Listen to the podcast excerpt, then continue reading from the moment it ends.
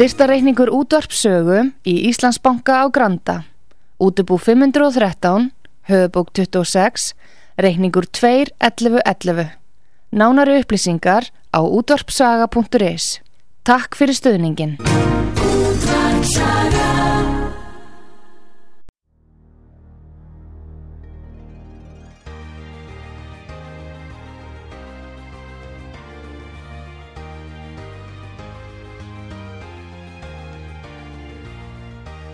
Heimsmálinn í umsjón Pétur Gunnlaugssonar. Fréttir og fréttatengt efni af Erlendum Vettvangi.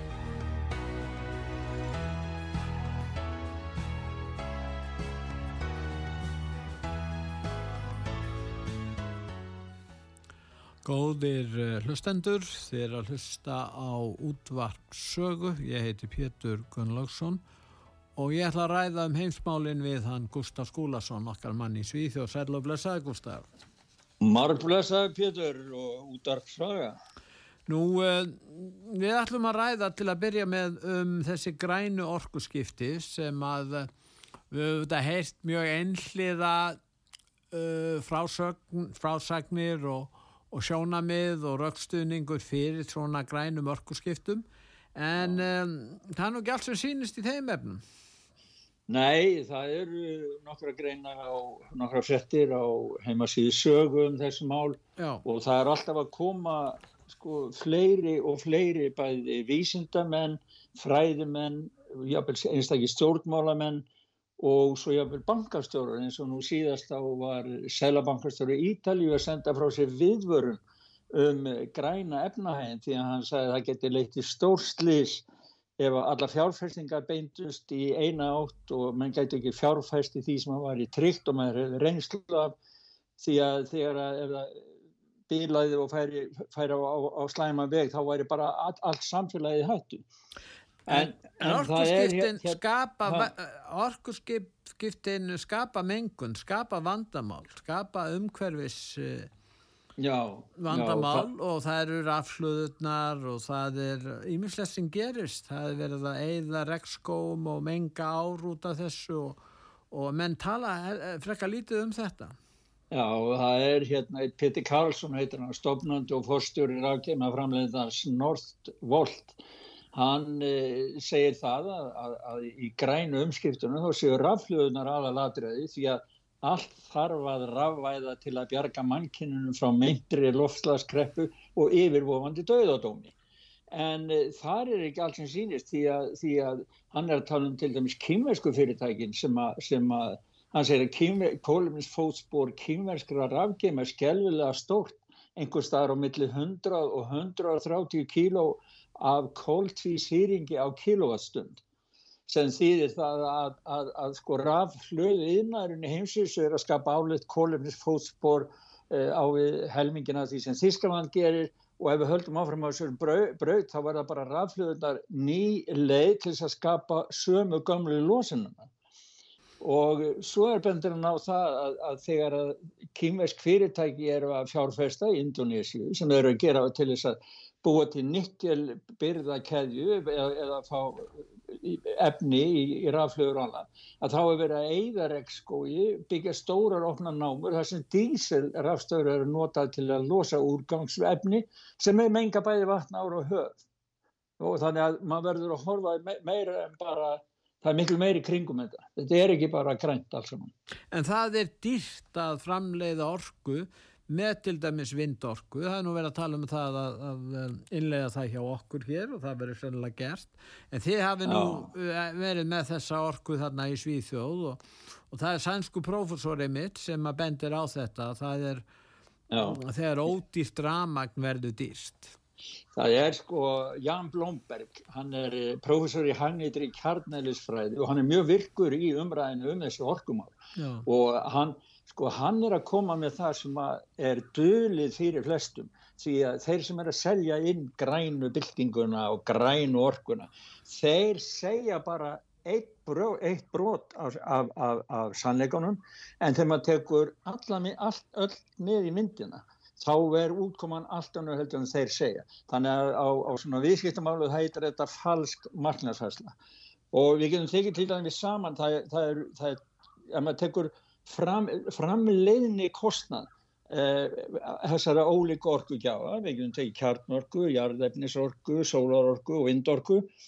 Þá kemur í ljós að til dæmis með kjarnorku þá er líftíma kostnæðin 80-90 eurar á kílófastund og miða við þá vindorku með 40 um eurar á kílófastund og sólarorku með 40 eurar á kílófastund. Þá er þetta náttúrulega bara sjálfgefið dæmi kvílugan rosalega kostur og, og gróði það er að skipta úr kjarnorku, jarðefnorku og fara yfir í vindorku og sólarorku. En maður verður að taka til til eftirferandi. Vindurinn blæs ekki alltaf alla daga, stundum standaðar kjörar vindmjölunar og sólarsellur, sérstaklega hérna í, á Norðurlöndum, þar sem eru dimmir vetrar og, og stutt sumur, þá, þá framlega sólarsellur ekki nema 25% rafmagna tímanum og miða við kjarnokkuverð þau framlega 90% tímanum og þá er maður teguð kervis, það sem hann kallar kerviskostnað, það er kostnað sem að fyrir kringum það að halda kerfinu gangandi þegar viðkomandi eininga framlega ekki ramar. Þá kemur sko allt annað upp úr dæminu. Með maður leggur þannig kerviskostnað við, þá er, er kostnaðurinn í kjarnorkuna 100 til 120 öyrar per kílóastund og nú tala ég sænska ég er ekki að tala íslensk. Og vindorkan verður 5 sinu dýrari með 500 öyra á kilowastund og sólarorkan hún verður 15 sinu dýrari 1500 öyra á kilowastund sem er 40 sinum hæra heldur en framleyslu kostnæðin þannig að sko hér er mikið sving í gangi því að það er ekki sæðið sannleikurinn til þeirra sem eru, eru, eru að, að, að, að reyka áráðu fyrir þessu, taka skattapeninga og borga í, í, til hópa sem eru á bakvið, bakvið þannan yðuna og ég sé það sko það er sama svipaður struktúr í því að selja út e, þessa grænubildingu og grænorku eins og baugur var með þegar þeir voru að selja, gera útrás á útrásatímanum með iSafe það var fengið banki, það er fengið einhver einn sem segist alltaf að vera með svona verktæki, sefur að hafa samband við banka sem kemur, kemur upp með peninga og svo kannski ríki líka aðilag sem kemur með skattapeninga. Og svo, svo er, og svo er, er aðilin sem að selur græðina aðilin sem selur græðina hyrðir allan peningin og skilur síðan eftir fyrirtæki með skuldunar og skatt, skattgræðendur með að reka þetta og það hefur nú sínt sér hérna í Svíð og þetta er rinjandi, kviknandi í þessu og sveitafélaginu eru farin að loka á sig þau orka ekki að, að, að bera kostnaðina Mannstöldið er að sástu þættina Exit sem fjallaði um nokkra unga stórrika menn í, í Noregi sem voru að verða sér út um eh, leiðir til þess að græða meira Já, það var það? Nei, ég man ekki eftir. Nei, það var einmitt tekið fyrir svona laga að þeir muna kannski eftir því sem sáu þættina. Þetta var eiginlega, þú varst eiginlega að lýsa því hversunar hagnaður verður úr þessu. En það er líka eitt sem að kannski er rætt allt og lítið um að þessi græna bilding felur í sér þvinguð, þvingaða eða þvinguð umskipti, græna þvingaða já, umskipti. Já, já, Þannig að slík slíkar þvinganir er oft mjög dýrar. Algjörlega og, og, og, og það er sælabankastjóru Ítalíu sem bendir á þetta já, hann er, hann er að tala um þetta hérna. Paolo Angelini heitir hann sælabankastjóru Ítalíu. Já. og hann er að tala um það sko, hann er að, hann er að senda frá sér viðvöru uh, og hann náttúrulega er í fjármála geirum og það ekki hvernig fjármála dæmi lítur út. Og hann segir það bara að sko uh, að vera að, að, að taka hann segir að hérna nýju grænlausnur eru ofte ekki næjanlega tæknið að þróa til að geta komið í staðin fyrir eldri öruga tækni. Og, og, og ofröð græn umskipt af hugmyndafræðum ástæðum án undan genginar áhrifa greiningar það hafi þegar skapað umfáðsmikil félagslega vandamál og raforku eldneismarkaði meðal annars með allt og hái verði til heimil og fyrirtækja. Núna verða reykistjórnir sem eru, hafa, hafa komið þessu kerfi á og skapa skadan og vandan. Heimilin geta á alla keitt, eiga á alla peninga til að kaupa bensín á, á bílin eða borga og vera að fara í, í auka vetrafara hakka til þess að halda sér hýta íbjörnum að því þau ekki efna við að borga rafmagni og núna þurfa ríkistórn í landana að vera greiða nýður rafmagnir sem að hækkaði vegna þeirra aðgerða sem að þeir, sama fólk gerði áður. Ef við ekki að heyra í hljóðbút með honum Jan Blomberg, professor í hænlítri kjarnæðlisfræði, þar sem hann er að lýsa hvað, hvað þessi græna, hún getur orðið mjög dýr þessi Lustum á hann. var ett stuttanbord sådana med ja. när tala om, ja, ja. Dels har vi omvärlden, där har elpriserna gått upp kraftigt beroende på att när världen startade om efter covid, då fick vi en brist på gas. Sen har den bristen blivit ännu större på grund av kriget mellan Ryssland och Ukraina. Det började inte där, men det har gjort problemet värre. Men sen har vi också problem på hemmaplan. Eh, för några år sedan hade vi så mycket elproduktion att vi kunde exportera maximalt till resten av världen och ändå förse Sverige med mycket billig el. Då blev vi immuna mot priserna i omvärlden. Men sen har vi minskat elproduktionen i Sverige och fått en sämre överföring av el inom landet. Ja, han, han er eiginlega að tala Svíþjóð var sjálfur sér næst með framleyslu og var með ódýr orku og gætt selt erlendis á lágu verði og Já. stórpartur orkunni Svíþjóð er græn. Já. En síðan fóru svíjar út í það að loka kjarnankuverum mm. sem er gerðið það að það var skortur á orku í Svíþjóð og Svíþjóð háð sem sagt uh, er erlendum ríkjum með ramagn og þar með hækkaði verið upp öllu valdi. Og hann er, tengir þetta líka sama við, hann segir að orkukreppan hefur hinnulega byrjuð áður en að Úkrænustrið breyst út, þannig að hann vil meina þessi ekki alltaf, ekki, ekki að þetta kenna Úkrænum alls. Nei, þeir lokuðu kjartunguverum en förum til Já. Finnlands og þetta er stórmerkileg frétt og menn geta farið inn á vefsíðin okkur útvarsfarsaga.is og það er þetta nýja kjarnorkuver í Finnlandi þetta stóra nýja kvartukuver sem hefur haft í sér mikla lækkun á ramagsverði í Tílandi. Just this morning, I saw an uh, obituary of another farmer who has committed suicide because there are a lot of farmers who are committing suicides in, in the Netherlands, about 20 to 30 a year, which is a huge overrepresentation mm. of the uh, of this particular sector, of course, and that's because these people are completely desperate as a result of the criminal policies of our government. And and this this man who committed suicide just today was only or yesterday was only 25 years old. So that's what we're dealing with you know we're dealing with a government doesn't give a damn about its people doesn't give a damn about human lives doesn't give a damn about the food supply. The only thing they care about is their own power and money and that's what you see in, in full force here. Þessi hljóðbútur yeah. einlega dætt inn í hann fjallar um uh, losunarstefnu ESB í til dæmis Gagvart uh, bændum og í, hún er nú hollensk þessi. Uh, réttar hinsbyggingur. En, en ef við höld förum aftur til Kjartunguversis í Finnlandi, áður við förum að tala um hana, oh. þá er ljóst að hér erum að ræða sko svo augljósa laust á vanda orkuvandanum. Það er að segja reysa kjarnokkuver. Já, einmitt í staðan fyrir að loka kjartökkuverum eins og gert var í Svíþjóð eins og gert var í Þískalandi þeir loka kjartökkuverum og opna landabæri það, það var mjög skynsalant hjá þeim, eða hvað?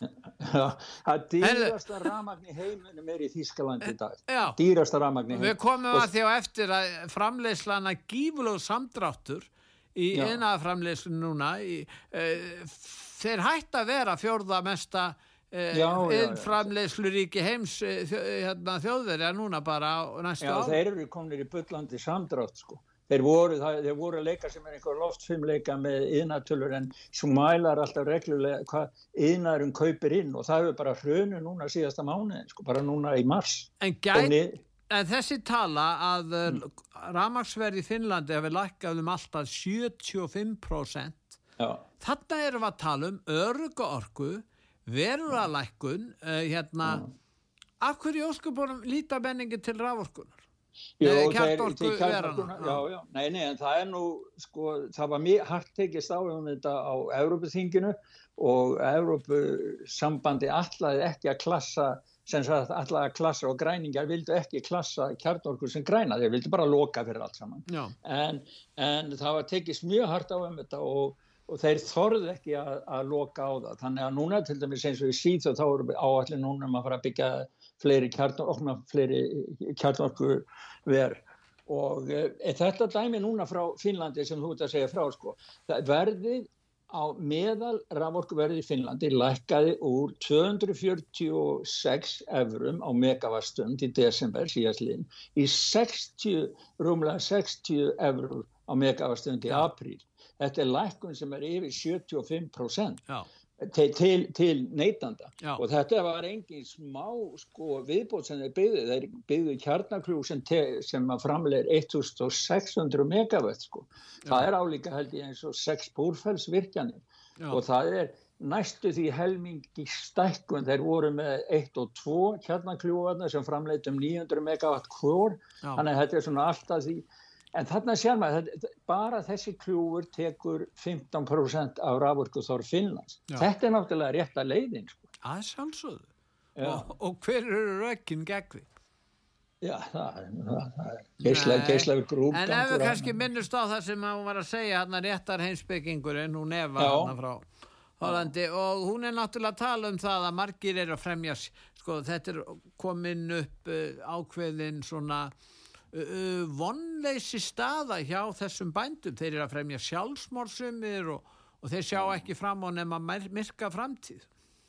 Já, er, sko, þetta, það, það er ábyggilega mjög mikil samstaða meðal bænda í Hollandi. Þeir hafa, hafa verið svo duglegir, þetta er besta, ég hugsa að sé svona, þeir skori álíka mikið í landbúnaði eins og íslenski sjómenn í sjómennsku og í, í, fra, í framleiða, ná, ná, hvað er framleiða mikið miða við það sem ég setja í það. En í, í, Hollandi þá skilst mér, sko, þetta við gengið erfðir, uh, sko það var papp og mamma og af og amma og bara langt aftur í kynnslóðir, alltaf börnin taka við, en núna eru sko 20, hún var, hún sagði frá einum sem hann var 25 ára gamal og hann gæti ekki tekið, te, get ekki tekið við búið af, af, af, af pappa og hann bara sér enga leið nema bara að kála sér að taka fremja sjálfsmór og hann segir sko, hún sagði það að það eru 20-30 bændur núna árlega og, og fer fjölgandi og sem náttúrulega algjörlega út í höpp sem tala fyrir einhvern hóp eins og bændur.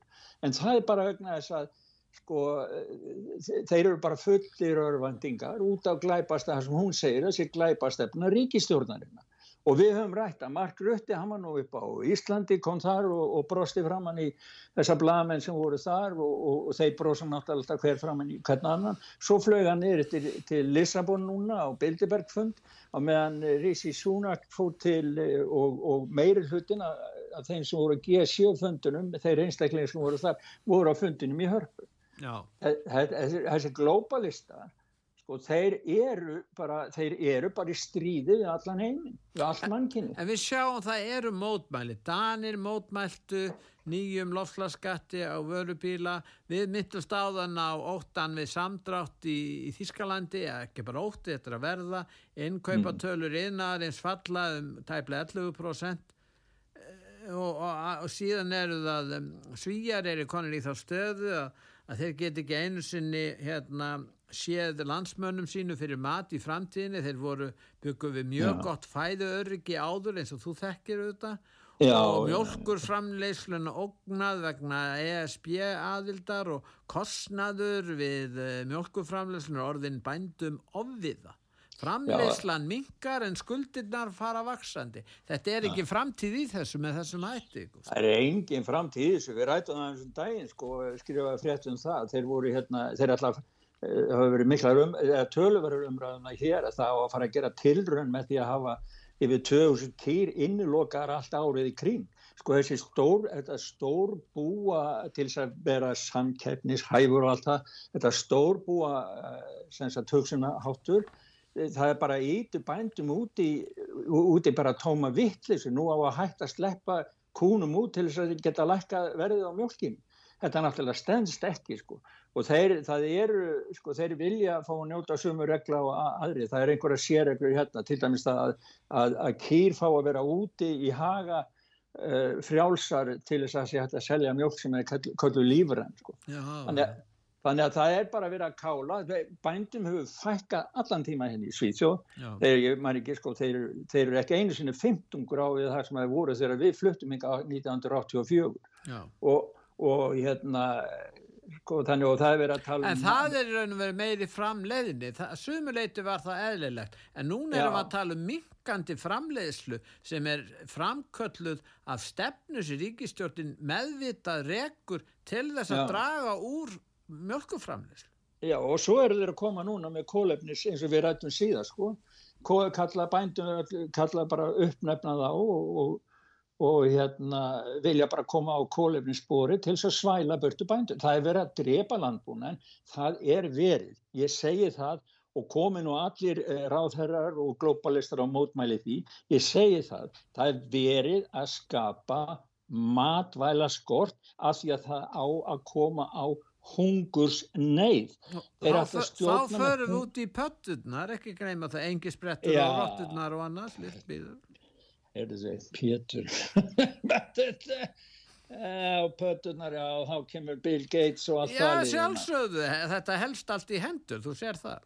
já, hann gerir það sko En það er Nei. líka, það er ekki bara kostnaðurum við þetta og hugsaði Nei. hvað hægt væri að gera við alla þessa fjármuni sem fari í það að eiðileggja landbúnað, eiðileggja orku stefnu þjóða til þeim setja á Íslandi og allt er þetta eiðilegt í staðis að reysa kjarnorkuver, uh, lækka orkuverðið og Já. svo er þið blómlegur hérna og það þarf þetta að framleiða meiri matvæli fyrir allan heiminn. Þetta er það, þetta er það því, svíjarnir eru með góða landbúni nú ekki um hollendingarnir. Og akkur er verið að heiðilegja það sem er svona glæsilega vel gert?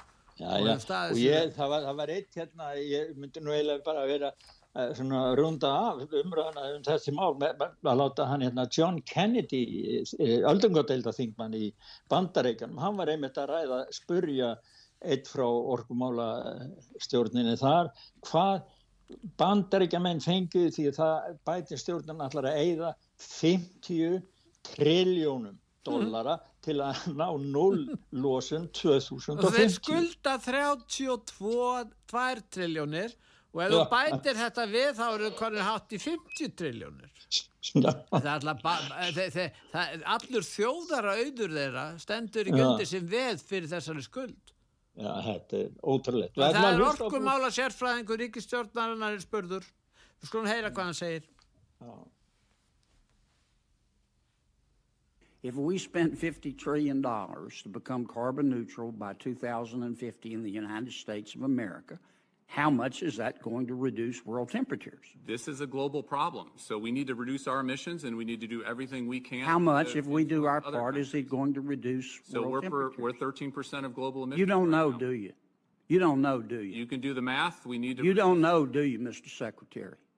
So we're 13% of If global you know, why won't you we tell went- me? If we went to zero, that would be 13%. You don't know, do you? You just want us to spend $50 trillion and you don't have the slightest idea whether it's going to reduce world temperatures.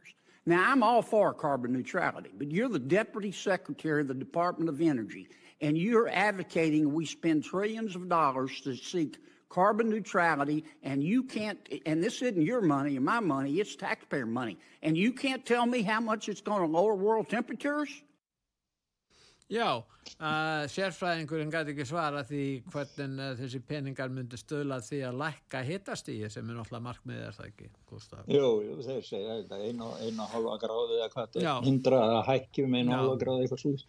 En það, en, sko, en það er það sem hann bendir á. Þeir eru að eyða peningunum okkar. Þetta er ekki þeirra eigin peningar. Nei. Og það er náttúrulega vita allir alltaf voðalega auðvelt að eyða Þeir eru peningum ekki fyrir þessu einu sinni. Nei. Þetta er bara búið til. Þannig, ha, Rentað, ég meina það er ekki peningar til að, þetta er bara búið til. já, bara búið til. Ríkistjórn bandaríkjama hefur ekki til að geta hækka skattana. Þannig þá gera það ekki. Hvað hvernig er allar útvega þessa fjármunni? Bara prenta meiri það er Bara ekki hækka skuldina. Já, já, það er náttúrulega ljóst og það kemur bara nýra en, minnandi en á fólk. endanum þá verður náttúrulega fólki, ef allt hrýnur, þá verður náttúrulega fólki að standa undir. Það er bara að rúlla þessu undan á Það næstu kemur bara kynslóðir. kreppa og, og hungur sneið og það fer allt, það er eins og með Argentína, Argentína er ágætt dæmi um það hvað verður um Bandaríkin og Vesturlönd ef við höldum Já. áfram á þessari helbraut, þessari helferðarleið, já, það, þá munum fara fyrir okkur eins og fyrir Argentínu, hugsaði, í Argentínu sem var eitt ríkasta ríki heims, annarkvert barn sem fæðist í Argentínu býr við fátakt, stór hluti við sára fátakt. Þetta er eitt auðvasta ríki, þetta, geti, þetta er eitt besta matvæla framleiðslu ríki heims. Þetta var allt eðilagt af misvitrum og, og, og hálfgeggjum stjórnmálamönnum. Og það er á meðal Perón og að því liði líka. Þetta er alveg, og Evita Perón, nú mannstu þetta söngleik. Herriðu, þetta fólk eðilaði þetta samfélag. Svo halda menna að skipti ekki máli hver stjórnar. Við getum segi- svona uppi eins og Argentína þegar við erum búin að opna landamærin, taka upp þessa fáralegu stefnu varðandi grænu byltinguna. Er, mér, það er kannski bara tímaspursmál. Það er hörmöld að hugsa til þess. Nei, það er bara það, er bara það þessi græna, sko, þetta er bara, þetta er, snýst ekkit um umhverfið. Þetta snýst ekkit um að... Að- snýst um að- að- völd og peninga Já, þetta sem er um ákveðna klíkur alltaf og er að, þeir, eru að, að hlæja og misnota aðstöðu sína og hafa fólk að fíp. Já, já, bara ræna, bara nýtta, nýtta æsseif þannig, skilur, bara grænseif, það ræna peningum af skattgrænum.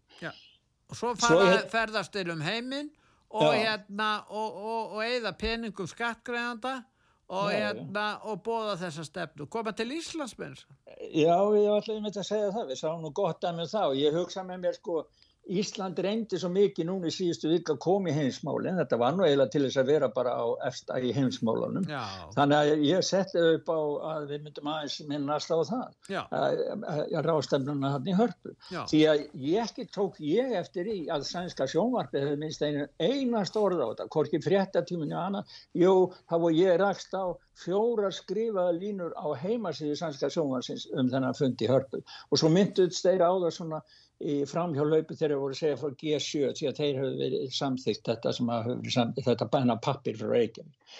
Þannig ef að markmiði var nú að koma með öllum þessum tilkostnaði sem, að, sem að var lagður í þetta, að koma Íslandi á blað í heimsmálunum, þá hefur það gjörsamlega mistekist. Má ég lesa hérna, ég ég setti út á Facebook síðan í eh, sömu, þessa grein sem er á heimasíðu sögu núna um þetta. já, Þið voru með þetta í, í, í, í fréttum vikunar í síðustu viku, mjög góðan þá. ég fór Og- ég fór á ráðstefnuna fór Já, á þú varst á ráðstefnu, Já, ég já. að myndaði með sér á heimasíðunni, flott. já, já, flott, flottur í gula jakkanum. Með, með honum hérna einu frá morgunblæðinu, Kristján Jóhansson já, já, það var eitt þann en ég fekk hérna að skrifa ég sagði náttúrulega að margir bröðust við þegar þeir frétta því að, Artrúð, að, að blamanafélagi hefði neitað Artrúðum að fara á, á, á fundin og það var eitt sem skrifaði svona vinnu minn Ingemyndur Bergman heitir hann hann er gammal bóndi og líka velstjóri býr í Vassenda í Flónum. Hann sendi, se- skrifaði þetta á Facebook og mér langar til að lesa það með leiði hæstist já, Það að gera tilraun til að hindra fréttaflutning frá fundinum hefur mishefnast fullkomlega. Íslenski miðlar þar á með að saga hafa sagt fréttir á samkominni, jakka, fata, fjölda sem þurft að kaupa og luxusbíla og faðumlög og knús og skyndilega brottfarir svo sem súnak. já, Það sem helst hefur vantað er að erlendir miðlar hafa talið taka því að fimbul famba um uppákomuna. Fjárösturinn slagar í að vera til jafs við söðfjárrekstur íslenska þjóðarbúsins. Hafi tilgangurum verið að eigða fjármunum þjóðurinnar í ekkert, þá hefur það svo sannarlega tekist. Tilvittnum lokið.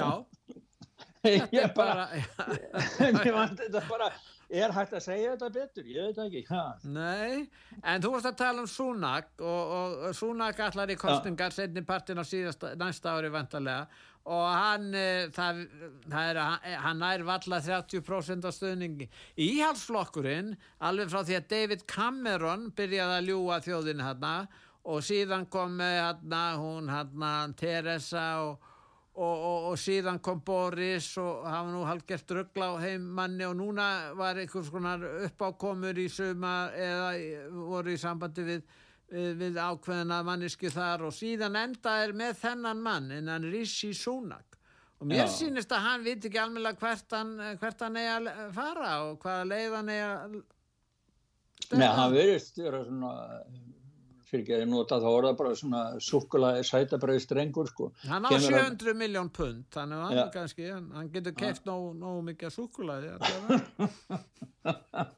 Hann- Já, hann er ríkar en, en, en Kalli Kongur, svo. Já, já, ég, svo, þeir, þeir, séu svona Já, en, en, en ég meina að við höfum rætt um það áður, sko, hann gerði sjálfan sig bara, það, bara breyta hlóan, sko, þegar, þegar hann var í, í súpu að setja súpu og disk fyrir fátaka því að hann talaði við fólk eins og allir væri fyrirtækjarengundur. Já, já, já. Fátæklingar sem voru atvinnuleysir átti ekki, hvorki húsni mat eða neitt, sko. En það er í nýjustu könnunum sem að hafa verið tekið fram, þá eru bara 60% að breytum þeir eru andiðir sem fórsættisræðar og þar að veru 34% sem eru mjög ansnúnur honum sko. Þannig að hann er bara með bara 30% fylgi sko sem fórsættis ráð þetta og það, þeir segja þessar kostningar segja það að ef það var í kjörið í Breitlandi í dag sko þá myndi verkamannaflokkunum bursta íhalsflokkin með 46 eða 43% atkvæða Já. og íhalsflokkurinn fengi bara rúmlega 26% sko. Já, emitt Þetta Þannig að, þannig að sko, illa, og ástæðan fyrir því að það er komið svona, af, þessi afstæðu myndast er svo að framfæslu kreppan í Breitlandi, hún er ekkert að minka neitt, hún er bara aukast allan tíma. Það er rafmagn hefur orðið svo dýrt, fólk á ekki, sko, fó- fólk notar alla peningana bara í rafmagn og mat og sumir, það dugar ekki endandi saman hjá mörgum. Já, en, en Súnak líka hefur bröðist í einu máli sem að íhalsmenn hafa lofað allt frá því að David Cameron var þar 2010. Það er þetta Mm. mál varðandi flóttamenn og hælisleitendur. Já. Og þeir var bröðist, allir fórustumenn og íhalsflokkurinn hefur bröðist í þessu máli, allan þennan tíma og veistu það komst að ástandið aldrei að sjaldan verið verra en núna. Nei, alveg. Þannig að, að auðvitað er fólk búið að gefast upp og sumir vilja, þetta ástandir er svo slæmt að menn er að tala um það að breytandir endi kannski í Evrópu aftur og kjósum að, að, að hérna, hafna Brexit. Já, það eru svipaðir, maður er að sjá svona svipaðir fréttir frá Breitlandi, London og leiri stöðum, sko, það eru, það eru orðið svo mikið að, að Breitandir, Já. við munum eftir að John Cleese sagði fyrir nokkru mánu síðan, hann sagði að hann gæði ekki lengur verið í London, sko, því að þetta væri ekki Me, lengur meiri Brexit. hlutin er, er þar náttúrulega bara að Já, Brexit. Þetta er ekki lengur Brexborg. Sko. En svo, en svo sér maður núna, sko, eins og, eh, eins og þetta með Sunak, hann er, hann, Ursula von der Leyen, Olof Scholz, Mm. eh, Emmanuel Macron, Mm. er voru öll og, og Meloni í Ítalíu, þau voru í Reykjavík fyrir viku. Hvar, sjá, hvar koma þau svo fram á næstu? Jú, þeir komu fram á laugadaginn í Hiroshima í Japan já, og þar, sko, þau samþykja að fara til Reykjavíkur, halló, halló, halló, samþykja eitthvað og Katrin skrifar undir eitthvað plagg og svo bukkaði sig, síðan faraðu eh, faraðu yfir, yfir til Japan og þar sita og segja, já, við samþykjum þetta sem að pappirinn sem kemur frá Reykjavík og Mm. klappa fyrir því. Þau fara sem sagt til Japan og klappa fyrir sjálfum sér fyrir því sem þau voru ekki Reykjavík. Já. Það er svona sem að stjórnunin er á heimsmálunum. Þetta er sama fólki. Það fer bara á mismunandi staði, segir mismunandi hluti og svo almenningur að halda það að þetta sé allt sitt hvað og vá og já og uh, þú veist. Þannig að þetta er, þetta er mér finnst þetta ógeðfelt. Og það er, það er nú verið talað um þessar kjarnorku árásir og Hiroshima og, og Nagasaki og, og það er náttúrulega verið deilt um það hvort að eh, þetta hafi verið þetta, uh, átt að gera þetta sem talsmenn þess að segja að það hafi verið nöðslega að koma í vekk fyrir mannfall, það hefði kostaði miljónir manna að taka eiguna því að þeir væri þá ofstækisfullir í Japan og þeir myndi aldrei hafa látið það af hendi þannig að þetta eða landinu hreinlega. En þetta hafi verið leiðin til þess að, að fá þá til þess að en það má endalaust deila. En eiga bandaríkjum að byggast afsökunar á þessum kjarnokku árásum á Hiroshima og Nagasaki? Það er nú kannski Það er spurning, Já. það er dói 120.000 manns í Já. þessum sprengjum. En þessi spurning var, feng, var, var sett fram að bladamanni í kvítahúsin. Hann spurði þessar spurningar. Við, við, við skulum hlusta á það, við erum að hljópa út af því. já, hlustum á það. Many previous American presidents have been pressured or asked to apologize for uh, the U.S. using uh, a nuclear bomb over Hiroshima and Nagasaki. Does the president plan to do that when in Japan or make any comments at all? The president plans to, to, to visit the memorial and to pay his respects to the lives of the innocents who were killed in the, uh, in the atomic bomb that was dropped on uh, uh, Hiroshima. But the focus of the trip, Ed, is what I just talked about in my opening statement. It's about the future. It's about getting the G7 together to talk about some common challenges and opportunities and to lay a, a framework down to address those challenges and opportunities together. And I think you're going to see that. Talsmaður fósittans svaraði þessu ekki, hann bara sagði að fósittin alltaf að votta fórnalömpunum virðingu sína, leggja krans þarna á blónsveg, á leiðið þarna, en, en sko, en uh, fjóri ræðir fósittar, sagðan, að hefði verið uh, spurðir um þetta og enginn þeirra hefur mér vitanlega beðist afsökunar á þessu. Nei, Þannig að, hann ætlar ekki að gera það heldur en, Nei, nei, hann gerði það ekki heldur. Nei, þegar en það er spurningið sko Ja. Hvort að færi fram ykkur rökræð um, um þetta sko eða, Nei, ja, ég veit ekki sko, það er, ein, ein, út af einhverju hefur hann verið að spurja, það er greinlega Sko nú er þetta orðið aðkallandi Rússland er með kjarnunguvopn Það er verið að tala um að, rússarnir eigi eftir að lendi í vandræðum rétt og hvað gera er ef Mm. þið lendi í svo miklu vandræðum að uh, niðurlæging hérna, er framöndan ég meina heyrðu, en, Þeir, þeir hafa marg, marg átt sætt hvað þeir gera sko. Við ræðum þá á eftir, skilja. Já, við förum í auðlýsingar núna, það verða blikkar hjá með ljósið. Við, við kíkjum á auðlýsingar, Gustaf, og svo komum við aftur.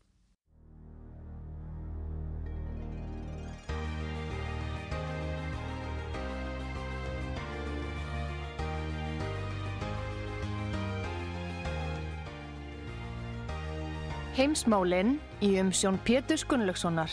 Fréttir og fréttatengt efni af Erlendum Vettvangi.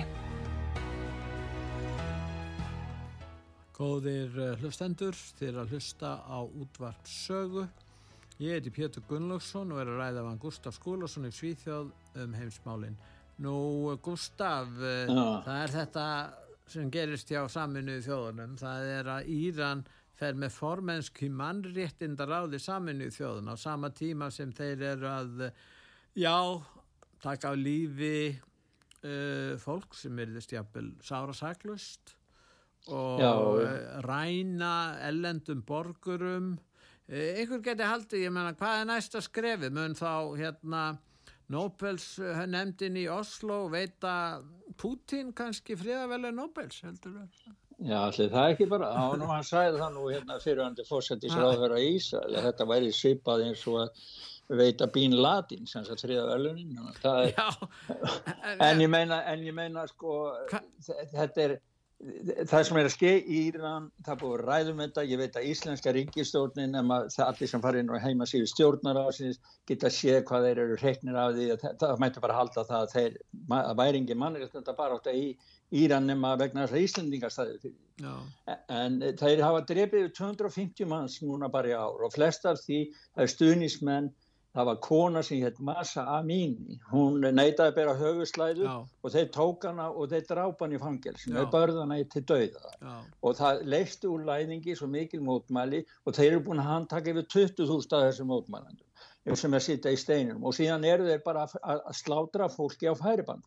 Og við erum með smá hljóput þar sem að, vera, þar sem að einn bregst við hann heldur upp myndin af þeim síðustu þremur sem voru drefni núna sem þeir voru slátra les nöfnu þeirra og, og, og hann segist náttúrulega ekki skilja. Hann segir það verður aldrei hægt að drepa bóðskapin sem þeir standa fyrir. En ég get bara sagt það með árangurinn sem að íslenska ríkistjórnin, utanríkisráð þeirra og þau hafa nú náð með sínu fastanemdum, fulltrúum, rannsóknanemdum og öllu í sambandi við mannréttinda barátt í Íslands, þá hafa þeir ekki eins og náð sama árangri og bakkabræði sem voru að bera inn ljósið í fötum og sátu síðan í myrkurinn og kvöldin. Því að bakkabræðu þeir gátt allavega ekki sendi reikningin til skattgreðin. neða rétt. Heyrum í, í Íran á saminu þjóðunum. Í, Saeed Yagobi, Saleh Mir Hashemi, Majid Kazemi. Look them in the eye. The Islamic Republic in Iran just executed these young men for nothing, only because they protested for freedom. This is absolutely outrageous that while people in Iran are fighting for freedom, fighting for human rights, the UN just appointed Iran to guard human rights at the UN Human Rights Council. This is just insane. But let me tell you something. While the Islamic Republic is killing these people, they cannot kill what they stand for. And they cannot kill their message, which is freedom, human rights. Share this video in their memory let their message get to as many people as possible. Já, þeir voru að drepa þarna unga menn sem voru að berjast fyrir frelsi og, og hérna Já, það er svo staða sem er þarna og, og, en nú myndir sumir segja, já, Sáti Arabíja var þarna í formennskunni líka og einsinn, en við hefum ekki séð Norðurkóru í formennskunni, Gustaf Nei, allir, allir, þeir eru ekki sett bara yfirmenni við trúið Já, ef við kjartnorku áallun saminni Já, kjartnorku áallun Þeir eru svo vel að sér í því. En það er ímislegt til dæmis eins og það er verið að fjalla svolítið mikið um gerfigreind núna og og þessi Bildenbergsfundir þú varst með lista, þú sendir lista þarna yfir hundra manns var það ekki, hvað voru þið margir? Já, já, já, það eru hundra manns sko já. og þetta er, þetta eru sko Með, Þannig að þeir er... sem hafa áhuga að vita hverjir er að fara að heimsækja að fara á fundi hafa nú engin íslitingur þarna? Nei, það var nú engin íslitingur Margi frá Svíðþjóð sko já, og Magdalena Andersson fyrirvendu fórsættir á Svíðþjóð sko. og svo, og svo og þær eru að ræða æ, bankana, Kína, orkuskipti og áskoranir í ríkisfjárun og allt fram til göttunum en þetta fer allt fram fyrir luftun dýrum sko, það er það sem er En uh, síðan er hann Elon Musk, hann er líka George Soros við hérna uh, teiknumhundafíkur, heitir hún ekki Magneto? Uh, Já, ég, hérna segulmaðurinn hann. Já. Já. Jú, nei, hann bara, það var í viðtali, það vakti aðtikli, við farið mikið um á, á félagsmiðlum og valkostammiðlum, sko, viðtali við hann það sem hann var að lýsa því, sko, hann var að gaggrýna George Soros og það var, hann sagði bara að George Soros er ílmenni, hann hatar mannkynni sko. Já. og það, það var ekki aðtikli að fara út um allt sko. Já, og svo vakti líka aðtikli við rættu hann aðeins síðast en uh, það margir ákveður að stans þegar hann réði sko, réði hérna Jakarín og hann sem nýjan fórstjór á Twitter. En, en hann segi býðið við skulum nú ekki dæma það allt, allt ennþá segir, segir Elon Musk sko. En það voru svo margir sem voru á mótinu sko það var gerðu aðtakar eins og Twitter og 93 mælti gegnum það sko 3% 93% Nú átökinn í Úgrænu, átökinn þar, strísátökinn og reksturinn stegmagnast og Rúsland vilist hafa náð yfir tökum í Bakhmut en það er ekki bara, ég veit ekki akkur hvort hún hafi hernaðalegt gildi þessi borg fyrir hún er í rúst og Biden er að senda Já, þangað herþótur F-16 og, og hérna og ungverjar eru hérna gaggrína það að, að, að já, það, þeir, þeir Ukrænar tala um að sprengja upp upp oljulegislu sem Nei, að það, liggja það til er, mann fyrir það manni fyrir að gruna hver sprengti þá oljulegislutan í Eistrasaldi Selenski er að tala um það. Hann lag út gögg frá Pentagon og í þeim gögnum þá kom fram að Selenski hafði lagt það til að rækta að sprengja oljulegislu sem verður frá Rúslandi yfir til Ungverðarlands þeir eru með sko legislu líka þeim og eh, eftir það þá hefur Ungverðarland lokað á alla vopnasendingar og allt og slítið samskiptum. Og þeir eru búin núna að Ukrænumenn, þeir terror sko hriðjuverka stóku stærsta banka ungur og svo þetta var hriðverka samtök þannig að það er orðið allt komið bara það er bara stáli stáli núna á milli Ungarlands og, og Ukræn og Ungarland er búin að loka allt fyrir, fyrir þá.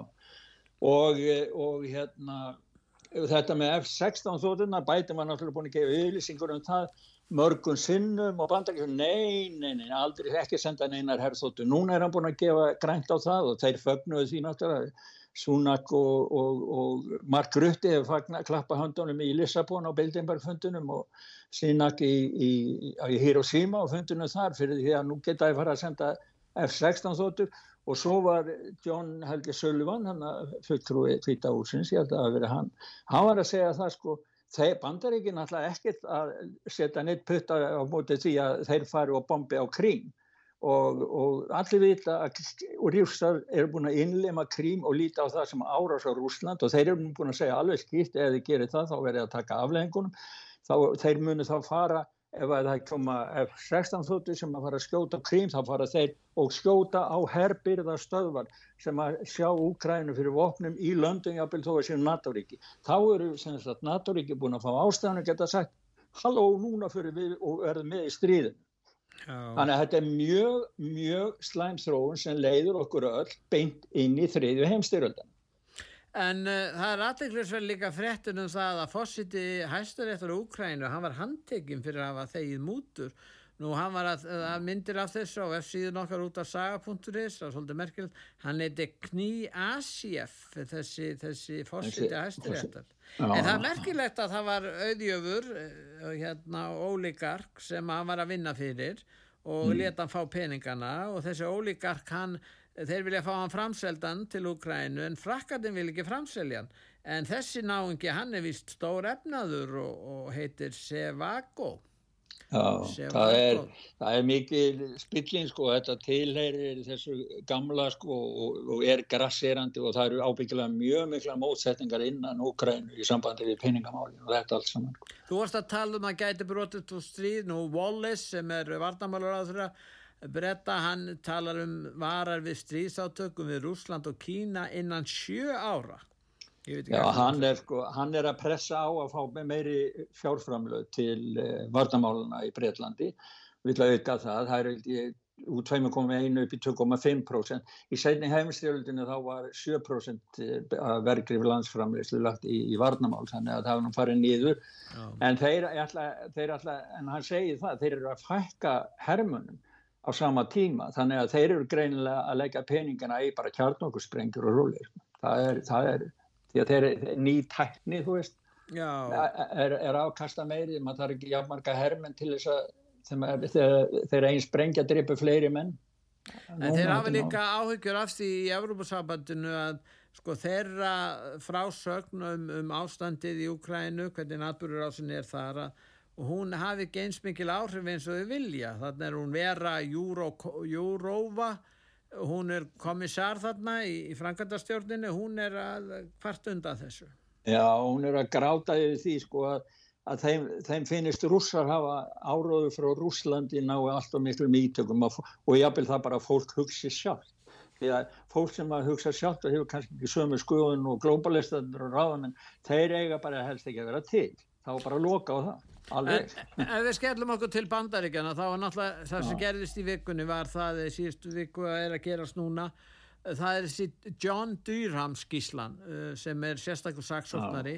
Hún liggur fyrir núna skíslan og þar kemur skýrt fram að hér var um, sviksamlega, þeir eru afhjúpa þessi John, þessi sérstakki saksóknari, hann er að afhjúpa sviksamlega Rúslands rannsók sem var fjármögnuð af meðalans af demokrautum, bandaríska alrikislörglan tók þátt í þessari legaherrferð og ymsir hátsetti stjórnmálamenn og, eh, og hérna og nú er spurningin um það hvernig verið tekið á þessu. Það má segja að djúbríkið hafi staðið á bakvið þessar, þessar uh, fall, og þar eru lögð fram fölsk sönnunagögn Þetta er náttúrulega graf alvarlegt mál. Þetta er mjög alvarlegt og þetta er, sko það maður sér það á öllum uh, rásum, allstaðar, hvað eru mikla umræður um þessi mál í bandaríkjanum. Þannig að þetta er eitt heitasta máliða núna. Donald Trump, hann uh, var spurður aðeins, hann segir aðeins frá þessu og svo settum með þarna frá Lindsey Graham sem er nú einn af stærstu haugunum þeirra en hann vill láta afturkalla Pulitzer-verlunin til þeirra fjölmjöla sem stóðu á bakvið að dreifa út þessum lífum. Svo við líta á FBI sem allríkislöglan sem bara innlenda, innlend triðjuverka samtök. Já og margir, margir eru á því að það er að sko, stokka FBI algjörlu leggja það niður, segja öllum upp sem er það núna en og stopna alveg nýtt með nýju fólki. En Gustaf, þetta er alveg óhagð því hvað skoðum en hafa Donald Trump Já, ég menna þetta er bara ríkið. Þetta sko, er bara ríkið. Já. Ef þeir geta nú gert þetta í þetta sinn, er eitthvað mála að, að falsa kostningar? Eða þú getur falsa þetta? Hugsaðu. Nei, ég meina, ég spyr. Já, já eitt leiður af öðru. Það er alveg, já, alveg rétt sem þú segir, eitt leiður af öðru. Ef menn eru reyðbúin að gera þetta, akkur er ekki reyðbúin að falsa kostningar? Akkur alltaf gengið út frá því að það geta aldrei gerst?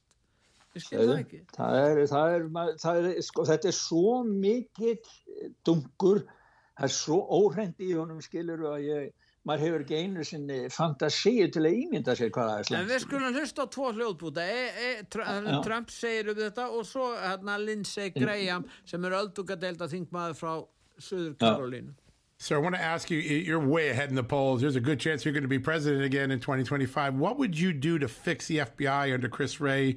Uh, obviously, a lot of bad things that went on at the FBI a lot of bad things went on at DOJ and the FBI, and a lot of bad things went on a lot of places. You know, when I got there, it was loaded up with rhinos and with Democrats. It was thousands and thousands of people in every different department, and we got so many out. And uh, this is the deep state you talk about, John. I talk about it. Uh, we'll make very big change, but this is deep state stuff. This has been for 30 years. People yeah. have been there, and they're, uh, you know, in, in many ways, they ran government for a long period of time, and we came in and we broke we really broke up the act and a lot of people weren't too happy about it that's why things like this happen garland should pick up the phone and call all all those that were harmed by this and say, even though it didn't happen on my watch, I apologize to you. This is not the Department of Justice that I want you to, to believe in. I would like the FBI Director Wray to get on the phone and apologize to the people that had their lives ruined by the FBI. And I think the Pulitzer Prize given to the Washington Post and New York Times should be taken back because the entire episode was politically motivated crap. That's not something you should get a Pulitzer Prize for. Fengu New York Times blaðamenn Pulitzer velunin fyrir umfjöllunum þetta mál? Já, það er greinilega. Þetta er því sem hann segir. En Trump ætlar að reynsa til, þú heyrið hvað hann sagði, hann ætlar að reynsa til þarna, ef hann, ver, ef hann verður fósiti. En það er spurningin hvað, nú er hann að keppa við Ron, hann, eh, DeSantis, og gerur áþfyrir því að Don Ron DeSantis verði, verði fósiti bandaríkjana það er hugsanlegt uh, myndi hann reynsa til? Já, mér finnst að ef hann fer í frambóð, það eru nú allir að tala um það, hann sé undirbúið það núna, að, að þá finnst mér, sko þá missi ég allt álit á hann, því að hann var búin að segja það, að hann myndi ekki fara í frambóð ef Donald Trump fari í frambóð. Já. Þannig að það eru einhverjir... Hann var búin að lofa því? Hann var búin að lofa því. Þannig að það er, og síðan kemur frá George Soros að það besta sem gæti komið fyrir það er að Don Rantis færi frambót því að Donald Trump er maðurinn sem stendur upp í hárun og globalistunum. Þeir eru það frest, það var það fresta, ég, ég maður hefur séð það, satt eða logi, að hafi frestast COVID að því að hann var kjörinn fósiti 2016 til 2020 þá hörðu globalistanir að fresta þetta COVID, COVID og, og tilraunum annað með það og nú við að tala um það að hungursneið sem átt að hafa verið komið núna, hún komið 2025 en Donald Trump er eini maður stendur og þess vegna gera þær allt sem þeir gera og ég er sko ekki tissa á því þú myndi senda vopna lið á hann sko þeir ætti brjála fólk sko. Já, þeir ætti að drepa mennur bara já, já. en talandum drápa á Fossita þá var náttúrulega er, Kennedy var myrtur 1963 og uh, nú er uh, Robert Kennedy uh, frændans uh, svonur Robert Kennedys þáverandi þeirra sem var þeirra þegar John Kennedy bróðurins var myrtur að mm nú ætlar Trump að afhend og byrstu all skjöl varðandi morðið á John F. Kennedy. Hann var búin að því þegar hann var fórsiti en hann ætlar að byrsta það sem eftir er. Og, og það er gert sjálfs að þetta málu komið á dagskrá vegna þess að, að Robert Kennedy er að fjalla um þetta og hann segir í raun og veru að bandaríska leinu þjónsan hafi mist frændast Sía, hann sagði það já, að pappans hefði verið haft það sem fyrstu tilfinningu svona, og hefði ringt í það og svona sko. Já. En svo ef við förum ég sé ekki tímin að hlaupa Jú, hann er að hlaupa frá okkur. Já, þannig að var nú bara með svona var með tvo hljóputæði viðbútt einn frá Salman Rusty Já, við erum að heyri í honum Já, það er að tala um tjáningafrelsi og það, það er líka í sambandi það að vera fjarlæga, núna eru kommunistarnir að, að, að henda burtu bókum fjarlæga óþægilega bækur í Hong Kong, Hong Kong. Já, já. Já og síðan er hinn hljóðbúturinn það er frá kanadísku lækni sem er að lýsa því yfir að bólefnin eru algjört klúður og í raun og veru antibólefni og hann er að það er svolítið aðtækilsvært og þetta er kannski aðeins Salman varar við að tjáningafrelsi sé hættu það er hljóðbútur núna. Hlustum á Salman We live in a moment, I think, at which freedom of expression, freedom to publish, has not in my lifetime been under such threat in the in the countries of the West. But in the countries of the West, until recently, there was a fair measure of freedom in the area of publishing. Now, I mean, sitting here in, in the United States, I have to look at the extraordinary attack on libraries and books for children in schools, the attack on the idea of libraries themselves. It's quite remarkably alarming, and we need to be very aware of it and to fight against it very hard.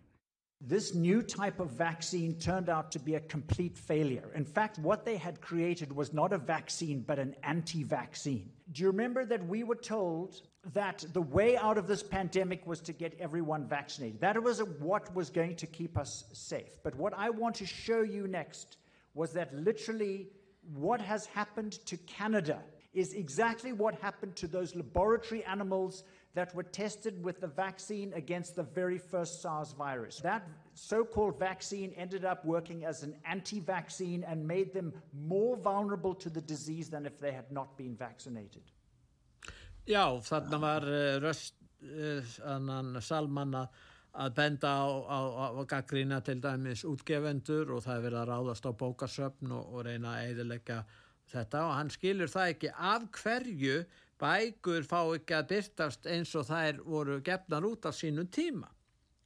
Já, hann segir að það, það hann segir að hver bók er, er náttúrulega tjáning þess tímabild sem hún er skrifuð og fjallar um. Ég veit til dæmis að fjallum, við verðum að fjallum vikingana, hérna, forfeður okkar, eh, Gustaf, Já, verður að koma fram í bókanum um þá að þeir hafi ekki innleitt fæðingarorlof og eiga þá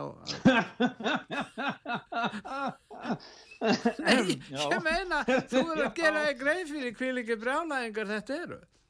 Já, já, ég sæði það nú meina Arnarsson Já, vikingandi voru slæmir þeir vannrækt að innleiða fæðingarorlof já, já sæði það nú þegar Ingólu Arnarsson var að koma henga og hjörleir og að hoppa upp í bátinn og konuna vildi ekki fylgja með það það væri ekki búin að innlega fæðingum og lofurðum fæðingar Svo drapa hann einhverja þræla sko minn alltaf alveg skjálfileg Nei, nei og svo hitt, hitt sem við heyrðum í það var menn geta að fara inn á heimasíðun og lesa þetta. Charles Hoffi, kanadísku læknir. Já. hann er enn einn nýr í öllum þessum hópum vísindamanna lækna, sérfræðingar sem er að sína fram á hvað bólefnin eru hættuleg. Og hann segir í Kanada þá er að koma fram sömu enkenn og mannfólki sem hefur bólusett eins og kom fram á tilrunadýrunum við fyrstu útgáðu sarsveifunar En heyrðu, ég hérna... Við hérna verðum við að fara að ljúka þess að við ætlum að spila lægið Happy to... Við erum svo hamingisamir, Gustaf, þú veist það, sko. Já, ég hef nú bara að hugsa það, sko. Mér aðeins það hvernig þetta er allt saman. Já, við erum, svo, við erum svo saman. Happy together. Já, það er svo gaman að vera saman. Já, við erum hamingisam. Við skulum að hlusta á lægið Happy together. Við erum hamingisam. Þakka ég fyrir, Gustaf. Já, þakka ég svo með leiðis.